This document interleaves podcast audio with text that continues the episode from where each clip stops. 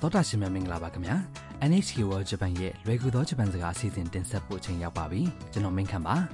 ကျမအပွင့်မှာဂျပန်စကားကိုတူတူပျော်ပျော်ရွှင်ရွှင်သင်ယူကြရအောင်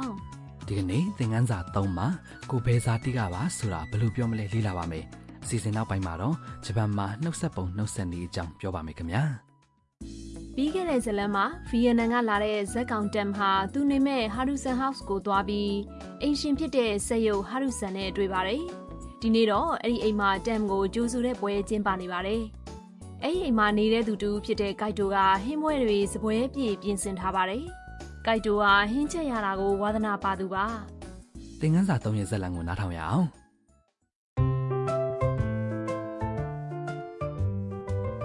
タムさんたくさん食べてねはいタムです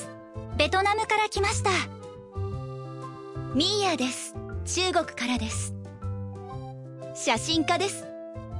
僕はカイト学生です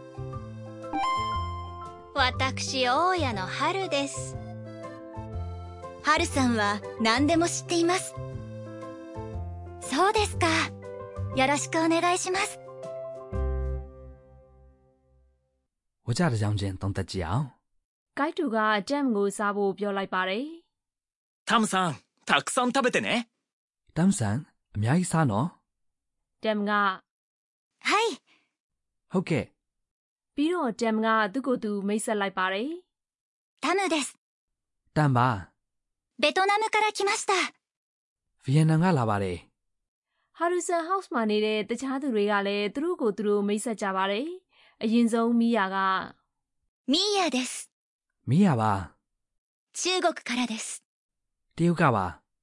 写真家です ဓာတ်ပုံဆရာမပါ ပြီးတော့ဂိုက်တိုက 僕はカイト ကျွန်တော်ခိုက်တော် 学生です ចောင်းသားပါ ဆေးရုပ်ဖြစ်တဲ့ဟာရူဆန်ကလည်းသူ့ကိုယ်သူမိတ်ဆက်ပါတယ် 私大家の春です ကျမကအင်ရှင်ဟာရူပါ ။မိယာကပြောပါတယ် 春さんは何でも知っています ဟာရူဆန်ကဘာမဆိုသိတယ် ။တမ်က そうですか ဟုတ်လား ပြီးတော့တမ်ကထပ်နှုတ်ဆက်လိုက်ပါတယ် よろしくお願いします ခင်မင်ကွင်းပြုတ်ပါရှင် ။တရုတ်ကလာတဲ့ဓာတ်ပုံဆရာမမိယာရဲ့ဟင်းချက်ကောင်းတဲ့ဂျပန်ကျောင်းသားဂိုက်တိုရဲ့အင်ရှင်ဆက်ရုပ်ဟာရူဆန်ရဲ့ဆိုတော့ဟာရူဆန်ဟောက်စ်ကတကယ်ကိုမတူကွဲပြားတဲ့သူတွေစုံနေရပဲနော်ဘယ်လို့ဇတ်လန်းတွေထွက်လာမလဲဆိုတာစိတ်ဝင်စားစရာပဲ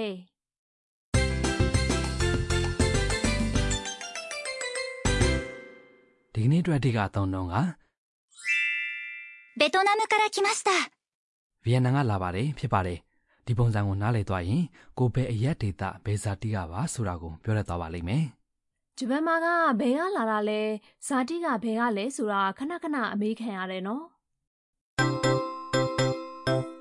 ဒီကနေ့အတွက်အဓိကအချက်ပါကိုဘယ်ကလာတယ်ဆိုတာကိုပြောတဲ့အခါနိုင်ငံဒေတာမြို့နာမည်ရဲ့နောက်မှာ から来ました ကလာပါတယ်ဆိုတာပေါင်းထည့်ရပါတယ် から ကဆိုတာကစတင်တဲ့နေရာထွက်ခွာလာတဲ့နေရာကိုဖော်ပြတဲ့ဝိဘတ်ဖြစ်ပါတယ် 来ました လာပါတယ်ဆိုတာက 来る လာတယ်ရေအတိတ်ကာလပြကရိယာပုံစံဖြစ်ပါတယ်ဒီတစ်ခါတော့ から来ました ဆိုတာကိုအတွဲလိုက်လွတ်မှတ်ထားပါနော်တမ်ကဗီယက်နမ်ကလာတာဖြစ်တဲ့အတွက်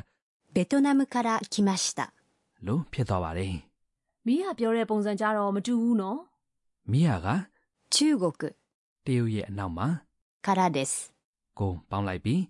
中国からです တရုတ်ကပါလို့ပြောတာပါ から来ました လို့မပြောပဲ からです လို့လည်းပြောလို့ရပါတယ် နောက်ကလိုက်ပြီးပြောကြည့်ရအောင်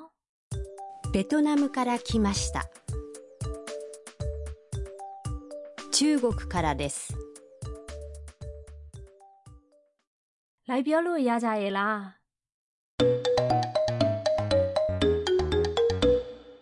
ဆက်ပြီးတော့ဘယ်ကလာတာပါဆိုတဲ့ဥပမာစကားပြောတွေကိုနားထောင်ကြည့်အောင် どちらからですかアメリカから来ました တစ်ချောင်းချင်းသုံးသပ်ကြည့်အောင် どちらからですか ဘယ်ကပါလဲ ဒါကတစ်ဖက်လူကိုဘယ်ကလဲဘယ်ကလာတာလဲဆိုတာမေးတဲ့စကားဖြစ်ပါတယ် どちら、 ဆိုတာကဘယ်ဘယ်နေရာလို့အတိပ္ပယ်ရတဲ့အမေးစကားလုံးဖြစ်ပါတယ်သင်ခန်းစာတင်မှာသင်ခဲ့တဲ့ どこ、 ဆိုတာနဲ့အတိပ္ပယ်တူပါတယ်ဒါပေမဲ့ どちら、 လို့ပြောတာကပို့ပြီးတော့ယဉ်ကျေးပါတယ် アメリカから来ました。 အမေရိကကလာပါတယ် အမေရိကကို アメリカ、 လို့အတန်ထွက်ပါတယ် တရာရှင်တို့နောက်ကလိုက်ပြီးပြောကြည့်ပါဦး アメリカから来ました。アメリカから来ました。 တရာရှင်တို့လိုက်ပြောလို့ရတယ်မဟုတ်လား ကိုဘယ်ကလာတယ်ဆိုတာကိုလေ့ကျင့်ပြီးပြောကြည့်အောင်ထိုင်းကလာတယ်ဆိုပါစို့ထိုင်းကို タイ、タイ、 လို့ပြောပါတယ်ကဲစမ်းပြောကြည့်အောင် タイから来ました。タイから来ました。 ပွင့်ရမြန်မာနိုင်ငံကဆိုတော့မြန်မာကာရာခီမတ်စတာလို့ပြောရမှာပေါ့နော် ဟုတ်တယ်ကဲအခုမေးခွန်းမေးလိုက်ပါမယ်မေးခွန်းဆုံးသွားရင်သောတာရှင်တို့လည်းကိုဘယ်ကလာတာပါဆိုတာဖြေရမယ်နော်ကဲဖြေကြည့်ပါအောင် どちらからですか ကိုဘယ်ကလာတယ်ဆိုတာကိုအားလုံးဖြည့်တတ်သွားကြပြီနော် ဒီကနေ့အတွက်အပေါ်စုစကားဖြစ်ပါတယ်တန်ပြောတဲ့ထဲမှာပါတဲ့စကားစုပါအလိုရအောင်မှတ်ထားပြီးပြန်သုံးကြမယ်နော် そうですか。そうですか。 ဆိုတာကတစ်ဖက်လူကပြောတဲ့အကြောင်းအရာကိုကိုနားလေကြောင်းတုံ့ပြန်ဖော်ပြတဲ့စကားလုံးဖြစ်ပါတယ်။ဟုတ်လား။သိပါပြီဆိုတဲ့အဓိပ္ပာယ်ပါ။တစ်ဖက်လူကကိုယ့်ကိုတစ်ခုခုရှင်းပြတဲ့အခါမျိုးမှာတုံ့ပြန်တဲ့အသုံးအနှုန်းဖြစ်ပါတယ်။ဝါကြဆုံးမှာခပါနေပေမယ့်မိကုံမဟုတ်တဲ့အတွက်အဆုံးမှာအတန်ကိုမမြင့်မို့သတိထားပါမယ် ဒီစကားကိုဘယ်လိုမျိုးပြောကြတယ်ဆိုတာနားထောင်ကြည့်ကြရအောင် そうですか。そうですか。そうですか。 ကဲတရာရှင်တို့လည်းနောက်ကလိုက်ပြီးပြောကြည့်ပါ そうですか。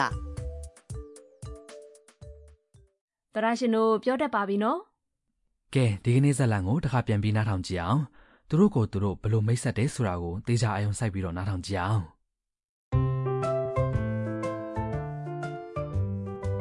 ။ タムさんたくさん食べてねはい。タムです。ベトナムから来ました。ミーヤです。中国からです。写真家です。僕はカイト学生です私、大家の春です。春さんは何でも知っています。そうですか。よろしくお願いします。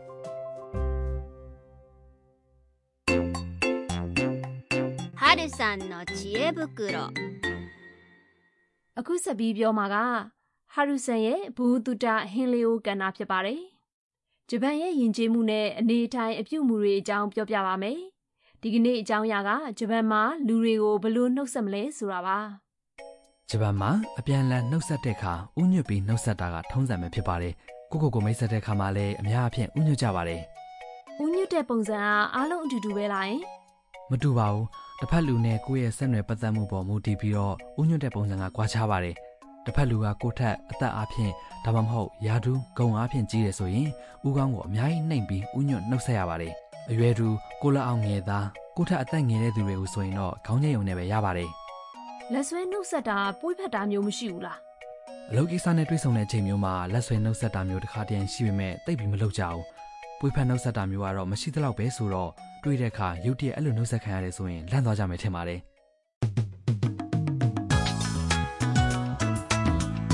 ။တော်တာရှင်တို့ဤလွယ်ကူသောဂျပန်စကားစီစဉ်ကိုနှစ်သက်ပါရဲ့လား။ဒီစီစဉ်ကို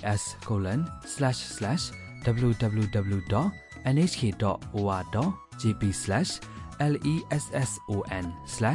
lesson/my/ ဆိုတဲ့ internet စာမျက်နှာကနေလည်းကြည့်ရှုနားဆင်နိုင်ပါတယ်။သင်ခန်းစာကို anime cartoon နဲ့လည်းသင်ဖော်ထားပါတယ် ။နောက်တစ်ပတ်သင်ခန်းစာကတမ်ကမီးရရဲ့အခန်းကိုအလဲသွားတဲ့အကြောင်းပါ။နောက်တစ်ပတ်မှာပြန်ဆောင်ကြပါစို့။